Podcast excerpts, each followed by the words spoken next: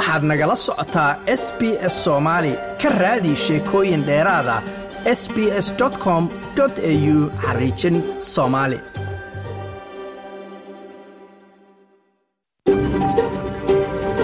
SBS, a. You're with SBS Somali on mobile, online, and on radio. Waxaad nagala socotaan s b s soomaali oo aad ka heli kartaan mobil online iyo rediyoga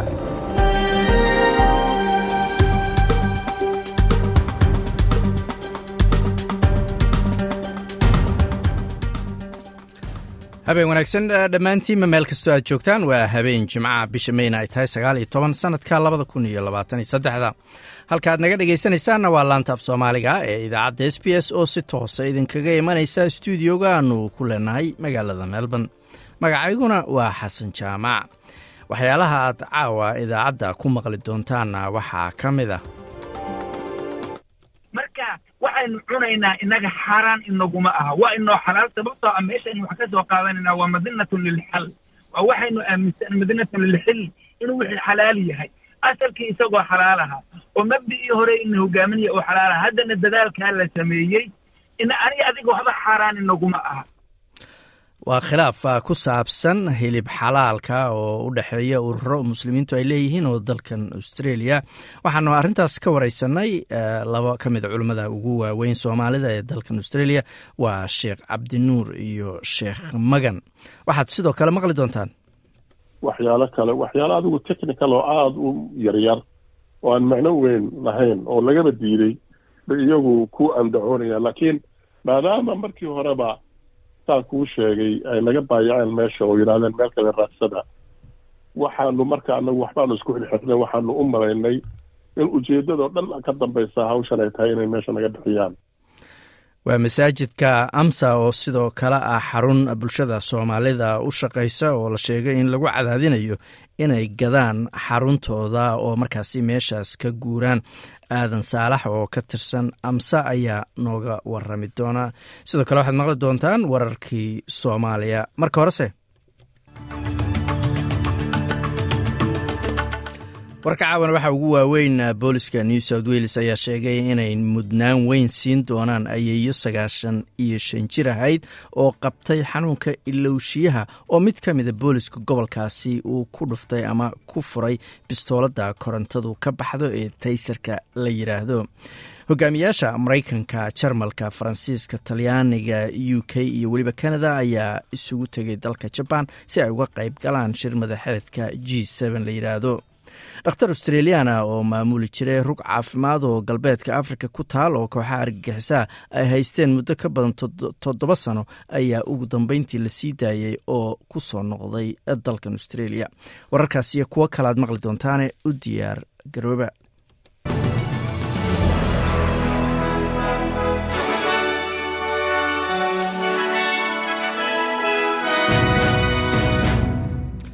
haddana waa warkii oo dhammaystiran.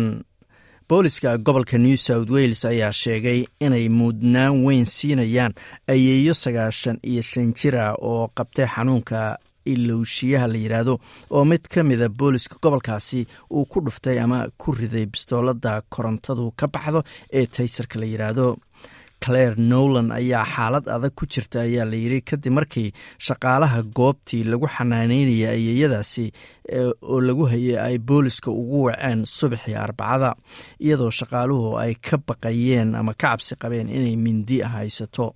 Askarta booliska ayaa cabaar la hardamaya ayaa la yidhi inay hubka ka dhigaan ayeeyadan.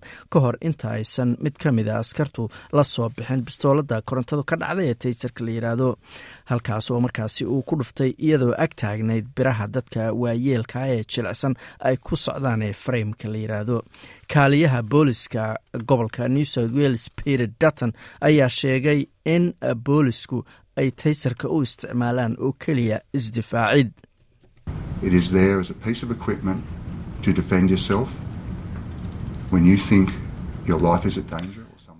waa qalab aad isku difaacaysa ayuu yiri oo loo isticmaalo in la isku difaaco markii aad istiraahdo noloshaada ayaa khatar ku jirta ama qof kale noloshiisa ayaa khatar ku jirta oo cabsi ama khatar in awood laguu sheegto aad dareento. Waa arrin muhiima oo baaritaan mudnaan weyn la siinayo ayuu yiri waxaana baaraya ciidanka baara dadka la dilo ee cutubka la yidhaahdo homosideka ayuu yiri peter guddi gaara oo soo baara dembiyada nacaybka ka dhanka dadka isku jinsiga ee isguursada ayaa maanta dhageystay sida uu u dhintay richard slater. Ninkan ayaa dhintay saddex maalmood kadib markii madaxa wax looga dhuftay isagoo jooga meel musqula oo ku taala magaalada newcastle disembar sagaaliyo kun iyo sagaal boqoliyo sideetankii ninkan awoowaha ahaa ayaa la dhacay garaacidna lagu dilay dhegeysigana waxaa lagu ogaanayaa inay dhici karto in lagu khalday inuu ahaa nin dadka isku jinsiga ah ee isguursada. Ninkan oo ku sugnaa goob dukaamaha ayaa wuxuu qabay xanuunka prostateka la yidhaahdo oo ragga kaga dhaca xaniinyaha taasoo macnaheedu yahay inuu u baahnaa inuu marar badan musqusha markaasi ku noqnoqdo william damar oo ah qareen ayaa sharaxaya waxa baarayaashu ay ka heleen ama ay ka ogaadeen musqusha odayga lagu dilay It appears probable that Mr. Slater's likely assailant assumed, likely incorrectly, musqusha laga hadlayo ee ninkan lagu dilay waxay ahayd meel ay ku kulmaan ragga isku jinsiga ee israba. Waxay u muuqataa marka oo ay u badan tahay in qofka garaacay master slater uu si khalada ugu maleeyey in master slater uu halkaa u joogay si uu ula kulmo rag kale. Markaasna uu u arkay qof nugul uuna garaacay oo markaasina uu dhacay ayuu yiri qareenku. Hogaamiyaasha maraykanka jarmalka faransiiska talyaaniga u k iyo weliba dalka canada ayaa isugu tegay dalka jabaan si ay uga qayb galaan shir madaxeedka g n inkastoo uusan qayb ka ahayn ama australia aysan qayb ka ahayn dalalka g ra'isul wasaare antony albanise ayaa sidoo kale uga qayb galaya isagoo ah saaxiib lagu marti qaaday. Master albanise ayaa kula kulmi doona madaxda maraykanka jabaan iyo hindiya darafaha shirka. Kadib markii shir ay afartan dal ku yeelan lahaayeen magaalada sydney toddobaadka soo socda la baajiyey. Ku-xigeenka ra'iisul wasaaraha dalkan australia richard miles ayaa channel nine u sheegay in ra'iisul wasaaruhu uusan ka xumaan baajinta shirkii sydney ka dhici lahaa It's unfortunate, but it happens, and it's nothing more than that. Uh, and uh, the Prime Minister will be able to catch up with President Biden. waa nasiib dara ayuu yidhi laakiin waa wax dhacaa mararka qaarkood wax intaa ka weynaa ma jiraan ra'iisul wasaaruhu wuxuu la kulmi doonaa madaxweyne biden sidii hore u dhici jirtay marar badan ayuu yidhi wuxuuna kula kulmi doonaa jabaan waana ognahay inuu aad u sugayo oo u filayo uuna u xiiseynayo kulankaasi. Waxaa jiray sidoo kale hadalhayn ah in madaxweynaha ukraine volodimir zelenski ay dhici karto inuu u safro jabaan oo uu ka qayb galo shirkaasi. Laakiin dowladda jabaan ayaa sheegtay in master zelenski uu uga qayb geli doono shirka dhanka muuqaal fogaha ama waxa loo yaqaano video linkiga. Halka aad warkaasi kala socotaana waa laanta af soomaaliga ee idaacadda s b s dhakhtar australiyaana oo maamuli jiray rug caafimaad oo ku taala galbeedka afrika oo ay koox argagixisaa haysatay muddo ka badan toban sano ayaa ugu dambeyntii la sii daayey kenneth eliot oo siddeetan iyo siddeed jira oo reer beeth ahaa ayaa la sheegay inuu amni yahay oo caafimaad qabo waxaana lala kulansiiyey xaaskiisa joselin iyo caruurtiisa markuu australia ku soo noqday qoyska dor eliot ayaa muujiyey nafis ama neefta oo ka soo booday waxayna u mahad celiyeen dhammaan dadkii ku lug lahaa sii deyntiisa wasiiradda arrimaha dibadda dalkan australia penny wong ayaa sheegtay in dowladda australia ay sannado ka shaqaynaysay sidii loo soo dayn lahaa dhakhtarkan. Well,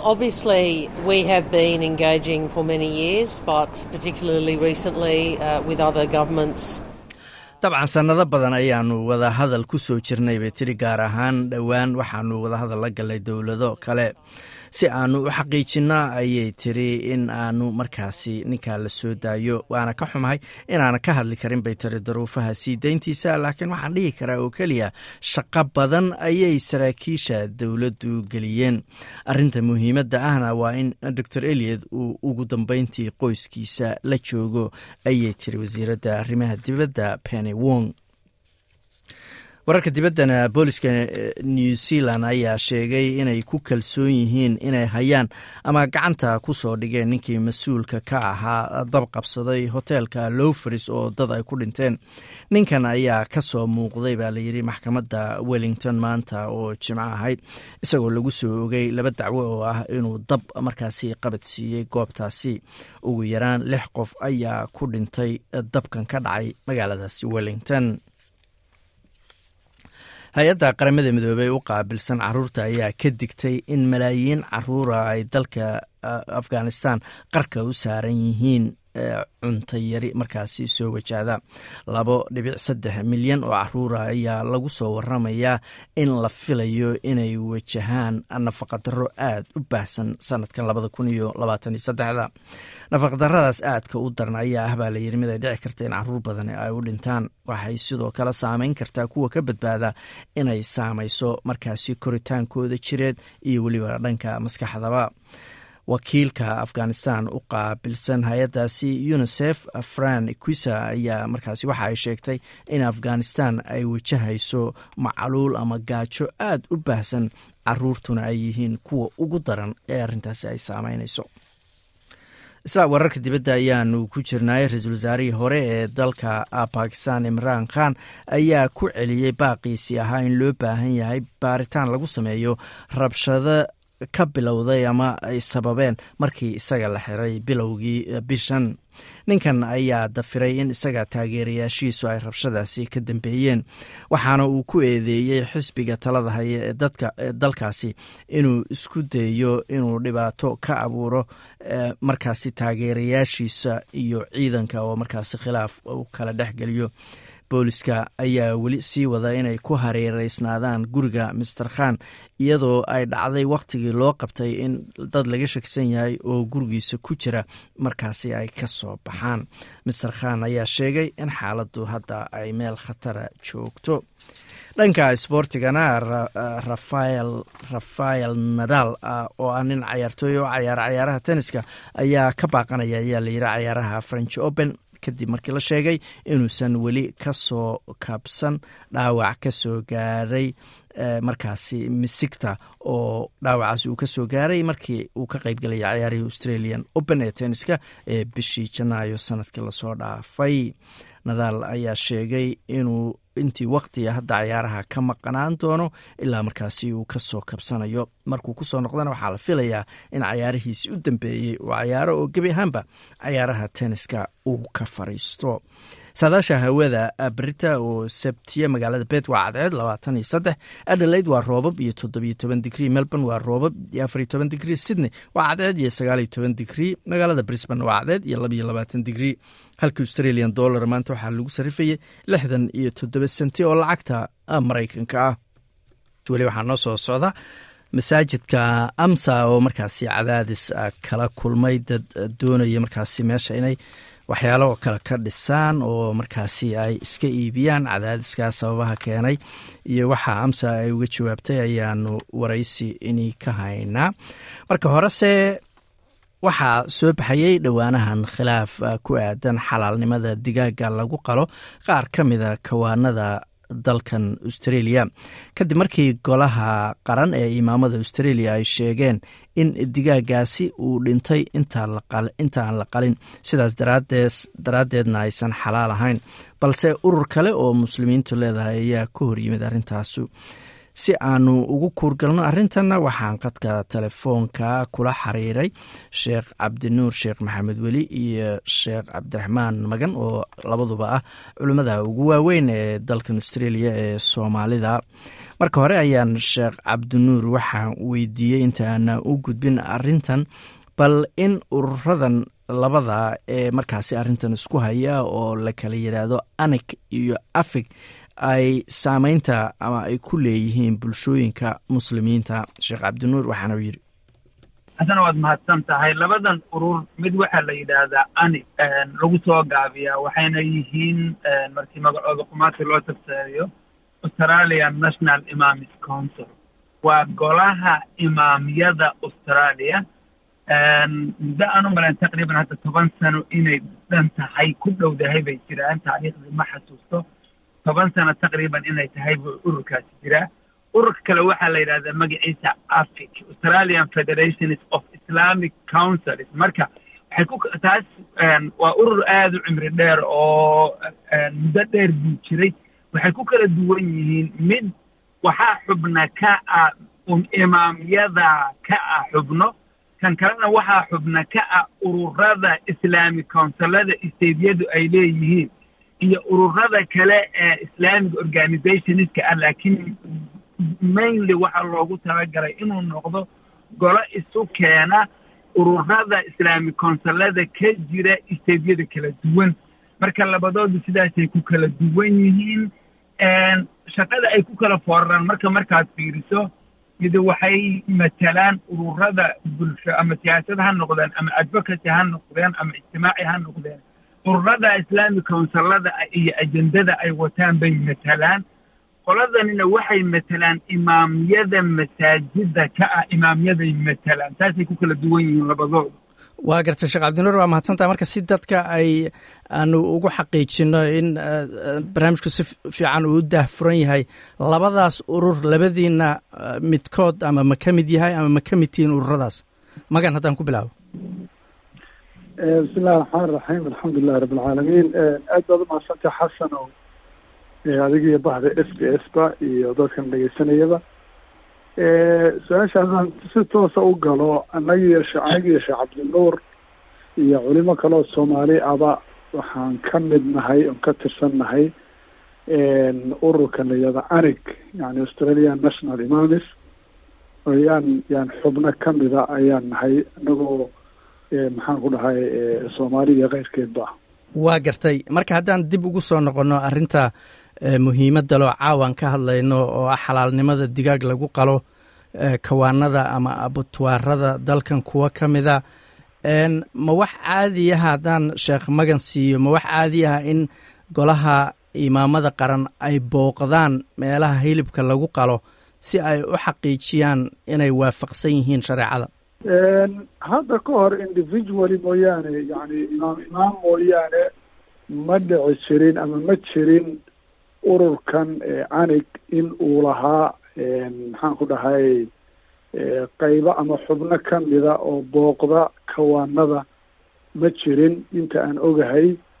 Gadaal bay ka samaysteen aduu qeyb xalaala marka markaa kadib bay bilaabatay inay inay yani active noqdaan ama dad nashi nashidiina noqdaan oo ay saaxada soo galaan sida qoladan kale ee afig ay ugu sii jireen.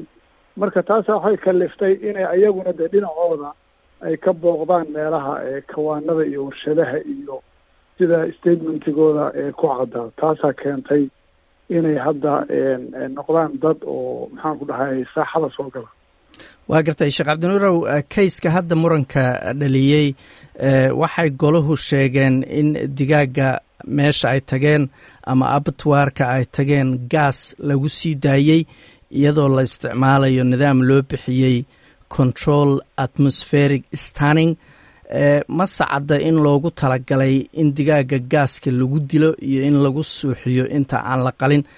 Waxay guddigu sheegeen in labaatan iyo sagaal digaagadood ay fiirsadeen sida loo dilayey go'aanka ay ka qaateen sidee u aragta adigu ay leeyihiin xalaal looma dilin maadaama ay sheegeen in digaaggu uu dhintay? Ninka la yidhaahdo xasanow adiis cabdiraxmaan mukhtarlan waxaan is leeyahay dhowr arrimood baa isweydiin mudan. Arrinta koobaadi waxa weeyaan arrintan digaaga in lagu maxay ahda ama gaasa lagu dilo ama korontaha lagu dilo xayawaanka waddankan inta aan birta la saarin abtwaayada waaweyn inta aan birta la saarin xayawaankan in la suuxiyo waxa la ogyahay bay ahayd. Inta aan birta la saarin qaanuunka waddanka ka jira weeye xayawaankii oon birta la saarin in la gowraco lama lama ogola oo wataynu la socono dadkan xuquuqda xayawaanka u dooda ayaa keenay waxaan is leeyahay dhowr tallaabo oo aan munaasab ahayn ayaa meeshan dhacday. Aniga aragtidayda. Mid waxay la xidhiidhaa waktiga midna waxay la xidhiidhaa cidda arrinta faragelisay. Midna waxay la xidhiidhaa sida arrinta loo waktiga markaan fiirino waxaan maraynay marxalad xarig ah oo labadan hay'adeedan soo sheegnay. Mid waliba intuu mufti yeeshay ay isku khilaafeen ciiddii oo isagoo imaamyadu ay sheegeen iyo muftigii ay sheegeen ciiddii wakti ay tahay afig oo mufti kala wadataa intay ka daba timid ay tidhi maalin kale ciiddii ka dhigta oo ummaddu isku wareersan tahay. Taasi marka waxay muujisay labadan hay'adood oo labadiiba muslimiinta aanu matelaynaa afkoodana ku hadlaya leh inay u dhaxayso loolan siyaasadeed oo la isku haystay yaa yaa xaq u leh inuu iclaamiyo ummaddana diin ahaan u hogaamiyo muftigiina yaa xaq u mufti bay sheegteen. Taas iyadoo jirto oo dadku ay arkayeen loolanka aynu ogeyn yaa waxaa dhacday in ay anig ay ka hadashay arrinta. Marka wakti ahaan munaasab maynan ahayn ciiddii baan ka soo baxnay khilaafkii ciiddaa taagnaa ummadda weli wuu cusbaa in la dejiya aniga aragtidayda. Arrintus halkaa way ka qaldanay tan labaadeen u arkaa waxaa weeyaan anig ahaan organisation ahaan kuma habboonayn inay iyadu noqoto dadka arrintan ka hadlaya. Sababtoo ah waxay leeyihiin oy bilaabeen inay iyaguna sameeyaan xalaal maadaama ay iyagu xalaal certification wingi ay leeyihiin anigna waa isku sheekhu sheegay member baanu ka nahay annagu oo xubnaanu ka nahay. Iyaga oo xalaal certification organisation ahaan leh in ay dhaliilaan hilib xalaalka sida oy si public ah ummadda u soo dhex dhigaan khalad bay ahayd. Xataa haddii ay khaladka arkeen waddo kalaa ku habboonayd marka waxaa muuqata sawirka soo baxayaa wuxuu yahay loolankii siyaasadeed inuu galay loolan dhaqaale oo qoladan afig ay yacni arrintani ay dhaawac badan u geysanaysa dhaqaale ahaan. Dadku u arki karaan in la rabay in lagu wiiqo dhaqaalaha afig ay leedahay in lagu wiiqo lana filayo isla markiiba afig inay ka soo jawaabayso iyadii bay taabanaysaa. Marka waxaan u arkayey anig inaynan ku habboonayn inay iyadu ka hadasho arrintan organisation ahaan. Tan saddexaad haddiiba ay go'aansadeen inay ka hadlaan inay siday u galeeni inay iyadana khalad ahayd sababtoo ah aniga iyo adigu hilibka xalaalka markaynu gadanayno waxaynu aaminsannahay dad muslimiin ah oo ilaahay aaminsan oo xalaal iyo xaraam kala yaqaano oo culima ay siinayso warqadan oo dad wadaada a meesha u dirayo oo supervision iyo soo samaynaya inay arrintii kantaroolaan baynu aaminsannahay marka waxaynu cunaynaa innaga xaaraan inaguma aha. Waa inoo xalaal sababtoo ah meeshaynu wax ka soo qaadanaynaa waa madinatun lilxal. Waa waxaynu aaminsan madinatun lilxil inuu wixii xalaal yahay asalkii isagoo xalaal ahaa. oo mabdicii hore ina hogaaminaya oo xalaal aha haddana dadaalkaa la sameeyey ina aniga adiga waxba xaaraan inaguma aha. haddii ay soo arkeen marka khalad inuu jiro inay hoos ku hadlaan oo ay arrintan hoos hoos u xalliyaan bay ahayd inay miiska soo dhigaan mayna taa waxaa ka dhalanaya durbaba marka inay qolo waliba kuwa ay iyagu warqadda siiyaan yidhaahdaan waa xalaal. Isla markiina waxaa dhacday sheekh cabdiraxmaanna wuu arkay liiska hadduusan arkinna wuu ku jiraa websiteka boris boris maamidka ayuu ku jiraa liiskay soo gudbiyeen. Isla markiiba waxaa dhacday anig inay soo gudbisay liis ay leeyihiin kuwan aan anagu naqaanayo xalaala macnihii waxa weeye kuwa aan anagu siina ka gado. Marka markaan isu geeyo waxaan u arkaa arrintani arrin lagu fududaaday ummadda lagu jahwareeriyey dagaal hilib xalaal iyo dhaqaale oo la isku leynayey oo qoladan loolanku ka dhexeeya ay isku leynayeen inay ummaddii ku soo jiideen annagana annagoon diyaar u ahaynan u diyaar garoobin dagaalkan danina noogu jiro ee lugta noo geliyeen waa gartay sheekh maganow afig waa qolada kaleo iyaguna hadalka ka soo daba saaray. Iyagu waxay ku doodayaan in maadaama anig ay tagtay halkawaan sidii wax loo qalayana aysan u bogin inay fadwad soo saaraan aysan ahayn. Taa ma ku raacsan tahay? Sida sheekh cabdinuur uu sheegaya se ma ku raacsan taho ah waa arrin siyaasad iyo dhaqaala laysku hayaa ee xalaasha arrintu weyba ka weyn tahay akhi haa boqol kiiba boqol. Waxa weeyaan waa sidaa sheekh cabdinuur u sawiray runtii wax lagaga noqdo ma laha. Sida aada og tahay xalaalka si guud ahaaneed qolo kasta standard bay leedahay. Caalamul islaami carabtu ayagoo carab wada ah qolo kasta standard gooniya bay leedahay sababtoo dawladaha xukuma imaaraadka iyo qatar inayna isku mid ahayn baa suurtagala. Malaysia iyo indonesia way kala duwan tahay.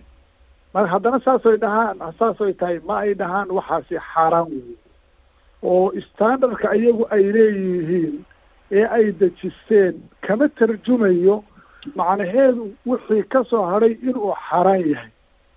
Marka arrintu waa arrin dhaqaale ku saabsan tii baa marka la diineeyey tii baa la siyaasadeeyey muhiimadda koowaad waa intaasun. Wax kale ma aha marka muslimiinta in la jaha wareeriye ma aha munaasabna ma aha anusaan arko.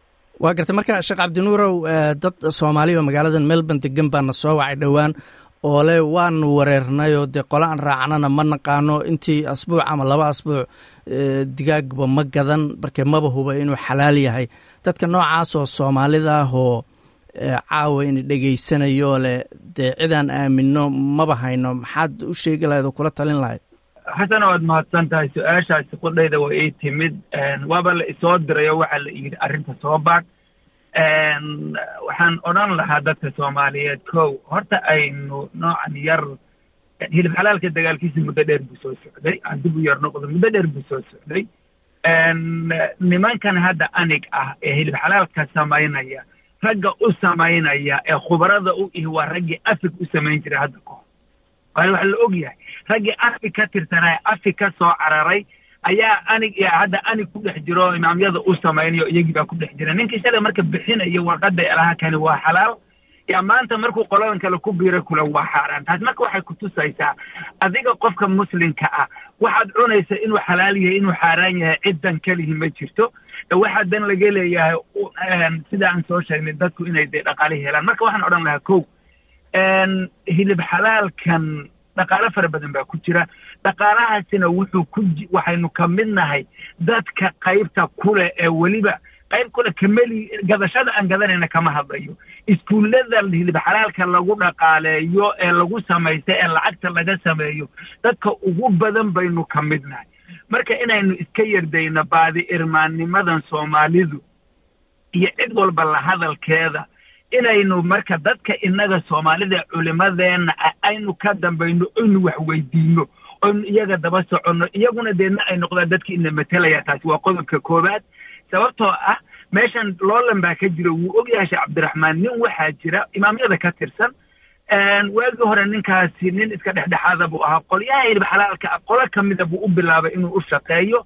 Ninkaasi markuu bilaabay qoladaa inuu u shaqeeyo wuxuu bilaabay qolyaha kale ee hilib xalaalka kale ah inuu dhaliilo. Oo wax ka sheego. Taasi waa midda koobaad tan oo marka lacagtii aynu bixinaynay iyo iskuulladii aynu tegaynay iyo ilmaheenni iyo dhaqaalihii wixii oo dhan baa inta wax lagu qabtay. Haddana dib laynoogu soo celinaya laynoogu baabi'inaya waa arrin u baahan in laga fiirsado. Taas tan labaad idinka wax nin muslina oo shahaado la siiyey ama batwaa qof muslina shahaado siiyey nin culimo ana loo diray oo la yidhi soo eg dibaddana loo dhoofinayo oo supervision loo dirayo. Wax shaki ku geliyaay ma jiraan ilaa aad aragto waxaan inuu xalaali sida ummadda inuu xaaraan yahay sida ummadda masaa-isha iskaga khaldan. Masaa-ishu waxa weeyaan ruuxu hadduu ku idhahdo waxani waa xalaal daliil lama weydiiyo hadduu laakiin ku idhahdo waxani waa xaaraan baa daliil la weydiiyaa.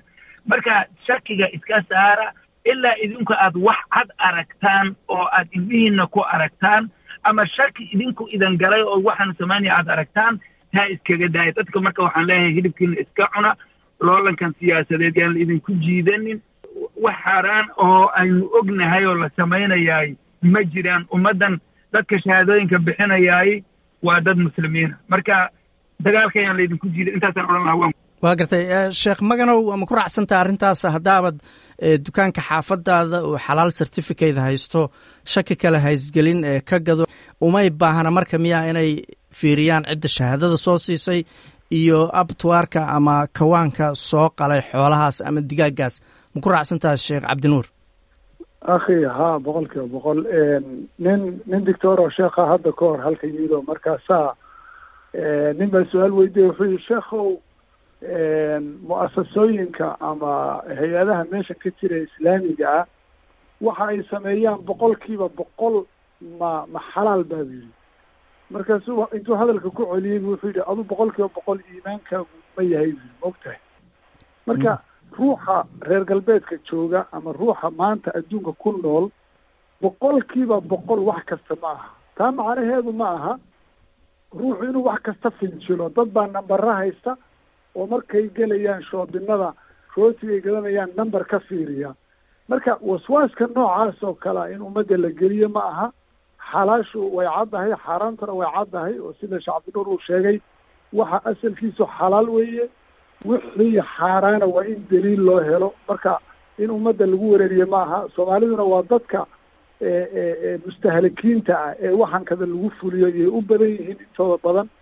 Marka in waxyaalahaas wasaawista ah ummadda laga saaro aad bay u habboon tahay oo aan la gelin loolanka siyaasadeed ama dhaqaale ama urureed ama ee la diimeynayo waa midda ururada meel kasta maanta adduunka ka jirta ee islaamkii magaca islaamka lagu baabi'inayo. Marka taas in aada iyo aada looga digtoonaado munaasab wey kaasi wuxuu ahaa sheekh cabdiraxmaan magan. Waxaa sidoo kale ka mid ahaa culimmadaas aanu wareysanaynay sheekh cabdinuur sheekh maxamed weli.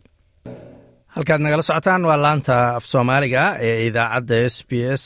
Idaacaddii kalabarkeeda ayaanu maraynaa caawa wararkana waxaa ugu waaweynaa booliska gobolka new south wales ayaa sheegay inay mudnaan weyn siinayaan ayeeyo sagaashan iyo shan jira oo qabtay cudurka ilowshiyaha oo mid ka mida boolisku uu ku dhuftay bistoolada korontadu ka dhacdo ee taysarka la yiraahdo. Guddi gaara oo soo baara dembiyada nacaybka ku salaysan ee ka dhanka dadka isku jinsiga ee isguursada ayaa maanta dhageystay sida uu u dhintay richard slater oo newcastle lagu dilay sagaaliyo tobankeedi kun sagaal boqol iyo sideetankii hogaamiyaasha dalalka mareykanka jarmalka faransiiska talyaaniga u k iyo canada ayaa tegay dalka jabaan si ay uga qeyb galaan shirka ama shir madaxeedka g la yiraahdo. Australia oo aan qeyb ka ahayn g balse lagu martiqaaday ayaa ra'iisul wasaare antony albanisi halkaasi uga qeyb galaya shirkaasi. Sidaasna uu kula kulmaya qaar ka mida madaxda halkaasi joogta dhakhtar australiana oo maamuli jiray rug caafimaad oo ku taala galbeedka africa oo ay kooxo argagixisaa haysteen muddo toddoba sano ka badan ayaa ugu dambeyntii la sii daayey kenned eliot oo siddeetan iyo sideed jira oo reer beetha ayaa hadda caafimaad iyo ammaanba qaba ayaa layidhi waxauna la kulmay xaaskiisa joselin iyo caruurtiisa markuu dib ugu soo noqday dalkan australia. Booliska new south wales new zealand aan dhehe booliska new zealandna waxa ay sheegeen inay ku kalsoon yihiin inay hayaan ninkii mas'uulka ka ahaa dabkii dadku ku dhinteen ee ka dhacay lowfers lodge hostel ku yaalla magaalada wellington hay'adda qaramada midoobe carruurta u qaabilsanna waxa ay ka digtay in malaayiin caruura ay qarka u saaran yihiin cuntayari dalka afghanistan. Ra'iisul wasaarihii hore ee dalka bakistan imran khanna waxa uu ku celiyey baaq uu ku dalbanayay in la baaro rabshadii ka dhalatay xarigiisa bilowgii bishan. Weli waxaa noo soo socdaa warbixintii uu noo soo diray wariyahayaga magaalada muqdisho marka horese xarunta ama masjidka amsa howlo muhiima ayay bulshada soomaalida ee degan xaafadaha kensington flemington iyo weliba north melbourne u haysaa. Balse baryahan waxaa saarnaa cadaadis ah inay meesha iska gadaan iyadoo shirkado badan oo markaasi doonaya inay goobahaasi ka dhisaan dhismayaal kale oo dadku degaan iyo kuwa lamida aadam saalax oo ka mida culimmada iyo weliba guddiga maamula masaajidka ayaan ka wareystay anoo weydiiyey bal arintan waxaanu yidhi. Waxaa jirtay walaalo masaajidka saad sheegtay amsa communityga soomaalida waxay iibsatay two thousand tenkii laba kun iyo tobankii. Berye cabaar ka bacdi adigu two thousand fourteen mar ahayd afar iyo tobankii ayaa waxaa na soo approach gareeyey ninka xagga waqooyiga naga xiga oo david wedrol la yidhaahdo baa noo yimi wuxuuna na yidhi meesha haddii aad rabtaan lacag fiican baan idinka siinayaa meel kale ma raadsan kartaa. Waxaan ku nidhi berigaas waa masaajid ilaahay baanu u iibsanay.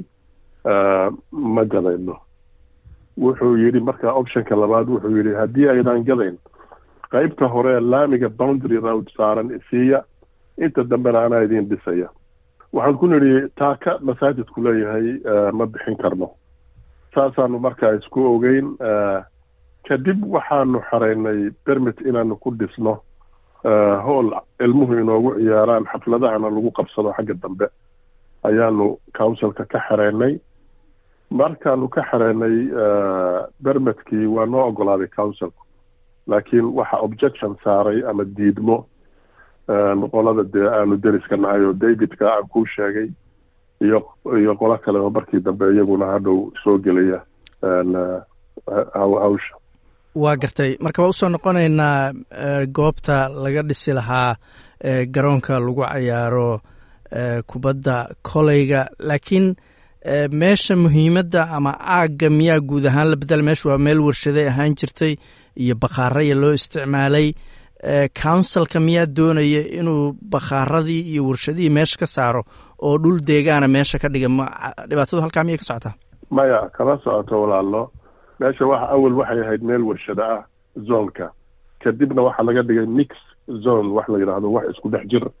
Macnihii warshadana ama bakhaaro way yeelan kartaa dhismayaalna way yeelan kartaa. Marka wax dhibaato ah oo xagga councilka ka socdaa haba yaraatee oo arrintaas oo arrintaa ku saabsan ma jiro waa gartay garoonka marka aad dalbateen inaad dhistaan oo labada labada shirkadood oo deriska inila ah ay diideen councilkii wuu ogolaaday baa tiri vcad baad aadeen waa soo ogolaada haddana. Maxaa markaa kadib samayseen idinku? Vcad markii aanu ka guulaysanay qolada waqooyiga naga xigta ayaa waxaa jira qolo kaloo la yidhaahdo building board appeals baa qoladan kale koonfurta naga xiga talyaaniga ah oo marconi la yidhahdo marconi baa iyaguna halkaas objection naga saaray iyagoo dee kolley waa taqaanaa dhismayaasha markaad dhismahaaga wax ku daraysid waa inaad jaarkana dee ogolaansho ka haysataa iyadoo lagu ogolaadayba haddana waxaa la leeyahay bal soo wada hadloo heshiiya bay yidhaahdaan adigu wixii ay nagu qabsadeen oo ay naga rabeen waa u socon weyday oo markii dambe boarding building board appealsna waa anagu anagu na raacay qaayadii buu raacay oo waa laga diiday waxay codsanayeen. Labadaa goorba waanu ku guulaysanay ilaahay mahadi. Markay halkaa marayso ayaa qoladan maaragtay xagga koonfurta naga xigeen barconi ayaa waxay yidhaahdeen haddii aanu ku qanci weyno oo arrintaas wax laga sixi waayo waxaa laga yaabaa inaanu tagno maxkamadda sare supreme court halkaasaa marka arrintu maraysaa laakiin taasu laga horjoogsan mayso inaan mashruuca iyagii bilaabano insha allah waa gartay marka labadaas shirkadood marka ay diidayaan inaad garoonka ka dhistaan diidmadooda maxay ku salaysan tahay? Maxay leeyihiin sababaha ay u diidayaan waayihiin walaalow waxay u diidayaan sababo adigu technical ah oo qolada maaragtay waxaad fahma dhismayaasha iyo baad fahma waxa fire protection wax la yidhaahdo xagga safetyga dabka waxyaalo kale. Waxyaalo adigu technical oo aada u yaryar oo aan macno weyn lahayn oo lagaba diiday bay iyagu ku andacoonayaan laakiin maadaama markii horeba saa kuu sheegay ay naga baayaceen meesha oo yidhahdeen meel kale raadsada waxaanu marka anagu waxbaanu isku xilxirnay waxaanu u malaynay in ujeedadoo dhan ka dambaysa hawshan ay tahay inay meesha naga bixiyaan. Waa gartay marka hadda maadaama ay leeyihiin maxkamadda sareanu aadaynayo saddex goor aad ka soo guulaysateen waxaan is leeyahay dacwooyinkan intay socdaan lacago badan baa ini ka baxaysa. Ma u babac dhigi kartaan nimankan ama shirkadahan develoberska oo dabcan is leeyahay lacago badan bay haystaan. Idinku ma sii wadan kartaan dacwooyinkaas. Walaalow kolley waxyaalaha uu joornaalka ku qoray haddaad akhriday waxaaba ku jirtay dadkanu dad lacag badan haysta maaha dee sidii qof maaragtay isagu isku huba lacag buu u hadlaayey laakiin kolley lacagtii annagu waxaan horta grant baanu dowladda ka helnay oo nagu caawisay two thousand twentygii oo saddex boqol iyo konton kun ahayd annagana bulshada lacag baanu ka aruurinay mashruucu wuxuu ku kacayaa marka lacag adigu ilaa milyan iyo laba boqol ama marka estimationku ahaa. Marka lacagtii dee kolley wax waa ka haynaa badan. Wax yar baa nagaga baxay xagga. Waa bilownay mashruuca ile markii way naga joojiyeen marka wax yar baa naga baxay laakiin lacag waa u haynaa adigu wax u malayn maayo dee inay wax badanna koos garaynayso midda kale. Annagu maxkamadda ma aadina iyaga aadaya sharciga waddankan u yaalna qolada laga guulaysta had iyo jeer. Ayaa dubaxla lacagta. Waa gartay dhismaha sidaad sheegtay labadii kun iyo tobankii baa gadateen. Wixii ka dambeeyey qiimihiisu waa saddex laabmay baa la leeyahay. Maad iska gadataan oo markaas meelo kale u guurtaan mise taasu xisaabta inay kuma jirto. Maya walaalo xisaabta kuma jirto. Meesha waxaa loo gatay waxay ahayd masaajid ilaahay. Marka communityguna dee haba maaragtay meesha dad badan baa ka guuray waa la ogyahay laakiin still inner cityga masaajidada ku yaalla meesha uu ku yaallo waa meel muhiima oo magaalada cityga weyn bay hadda dadka ku soo tukada oo jimcayaasha haddaad fiirisid waxaa dad professional oo magaalada ka shaqeeya marka service communityga muslimka ah oo meel muhiim ugu yaalla marka talada kuma jirto marnaba sharciyanna dee maba ogola sharcigu meel waqfiya oo guri ilaahay loo gaday in dib loo gado. Sharciyanna dee sharcigu maba ogolaba waa garta hadda marka maxkamadda sare goormay dhacaysaa goormaasay jawaabteeda la sugaya maya maxkamadda iyagu way ku fekerayaan laakiin ilaa hadda namay soo wargelin inay arrintii maxkamadda u qaadeen inay iska hanjabaad iyo tahdiid inay iska tahay baa laga yaabaa aanay u babacdhigi kara iyaga laftoodu waa og yihiin inaanay ku guulaysanayn laakiin waa way way yidhaahdeen waxaa laga yaabaa inaanu aadno.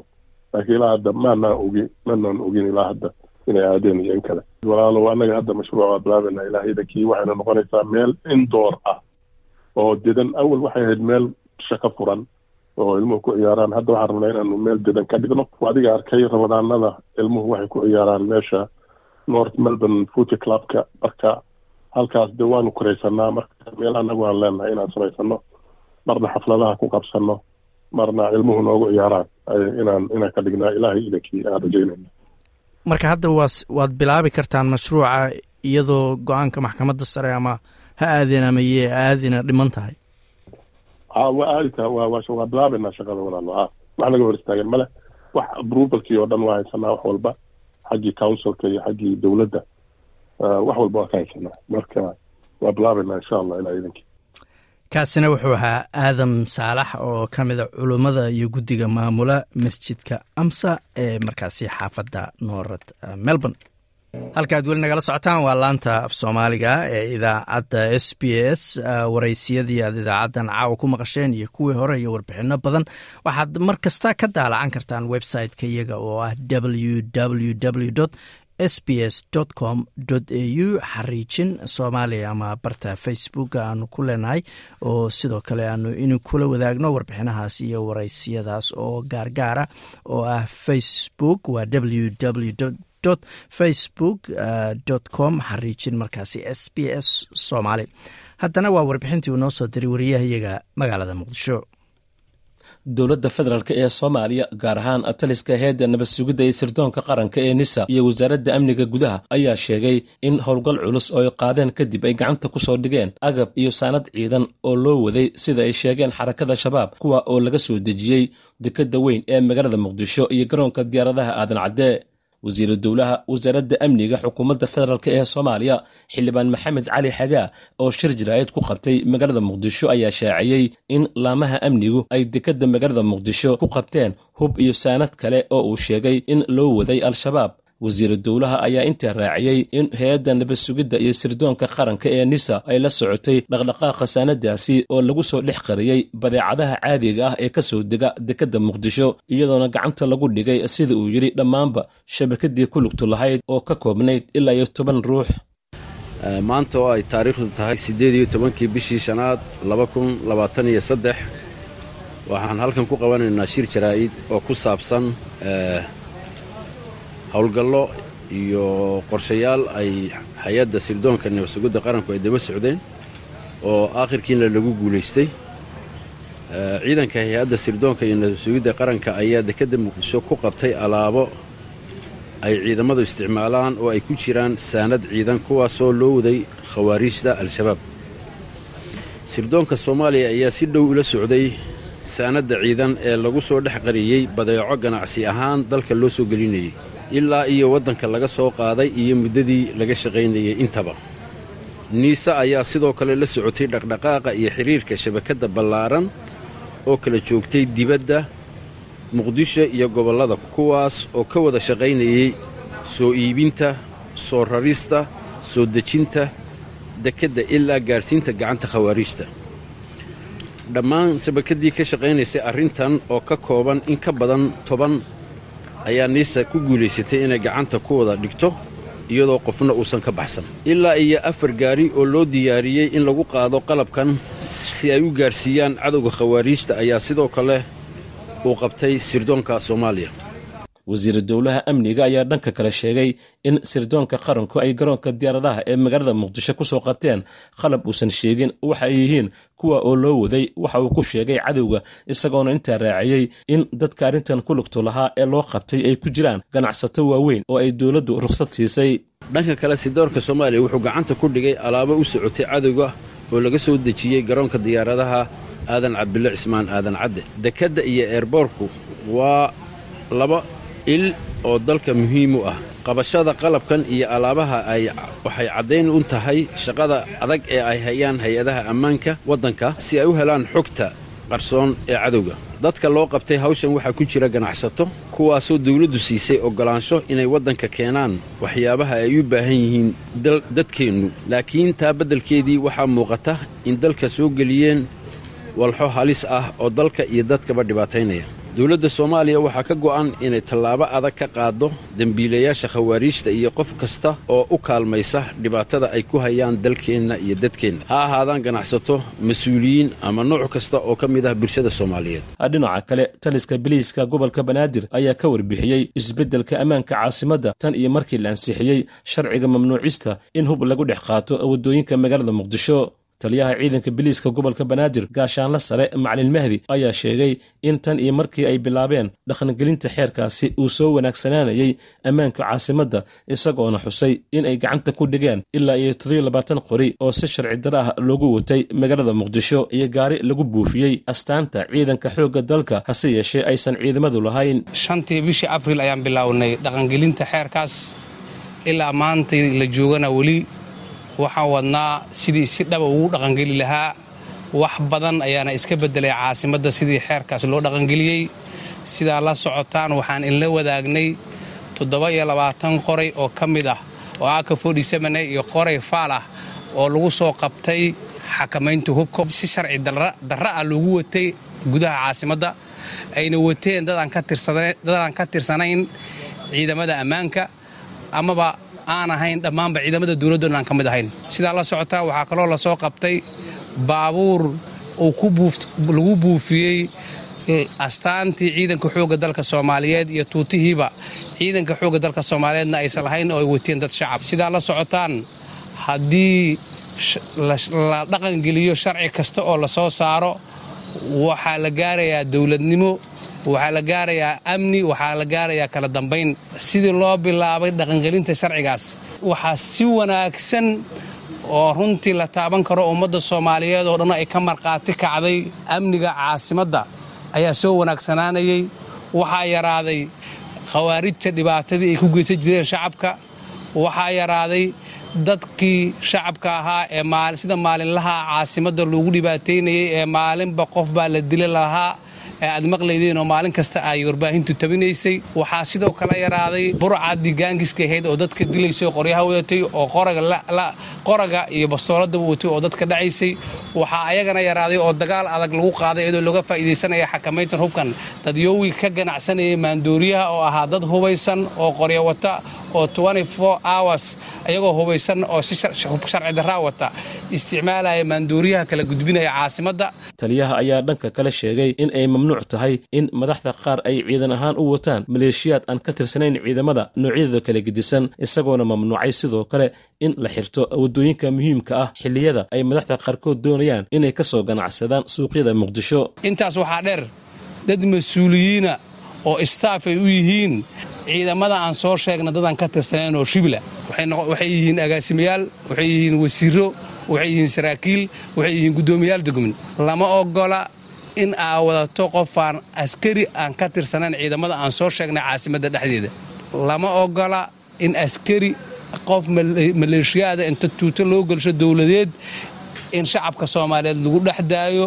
Waa mamnuuc laga bilaabo maantay qofkii lagu arka isagoo dhahayo xanshuuran qaadaa ama waaxan ka shaqaynaa ama agaasimaan la socdaa oo aan ka tirsanan ciidamadaas waa la soo qabanaa sharcigaana la horgeyn doonaa.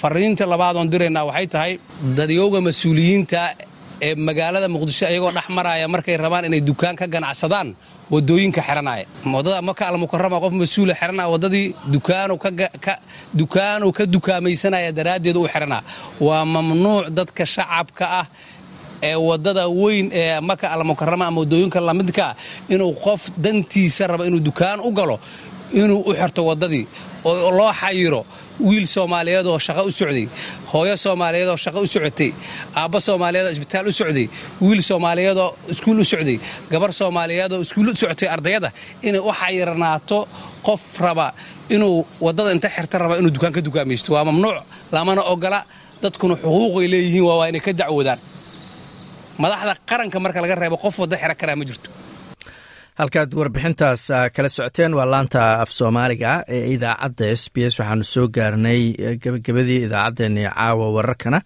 Waxaa ugu waaweynaa booliska gobolka new south wales ayaa sheegay inay mudnaan weyn siinayaan.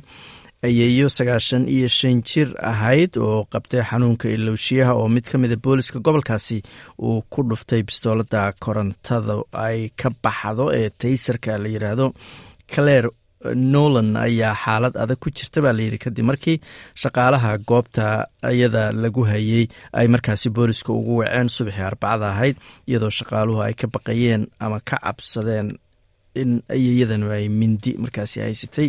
Guddi gaara oo soo baaraya dembiyada nacaybka ee lagula kaco dadka isku jinsiga ee isguursada ayaa maanta dhageystay sida uu dhintay richard slater ninkan ayaa dhintay saddex maalmood kadib markii madaxa wax looga dhuftay isagoo meel markaasi musqula oo ku taala gobolka newcastle jooga december sagaaliyo tobankeedii kun iyo sagaal boqol iyo siddeetankii.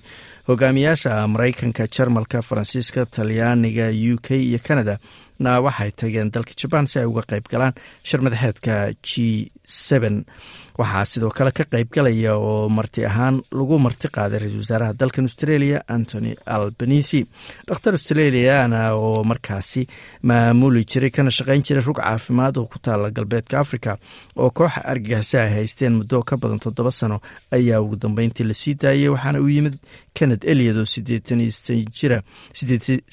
sideed jira dalkan australia waxaana markaasi uu la kulmay oo mar kale ay sarkeen xaaskiisii iyo weliba caruurtiisii. Booliska dalka new zealand waxa ay sheegeen inay ku kalsoon yihiin inay gacanta ku hayaan ninkii mas'uulka ka ahaa dab ka dhacay loferis lodge oo lix qof ay ku dhinteen oo ka dhacay magaalada wellington. Idaacaddeenii caawa intaas ayaanu ku soo gebagabayneynaa waa aniga oo xasan jaamac oo inilintaas iyo nabadgelyo waa inoo toddobaadka dambe haddii u eebaydmo like aas la wadaag wax ka dheh lana soco barta facebooka ee sb s soomaali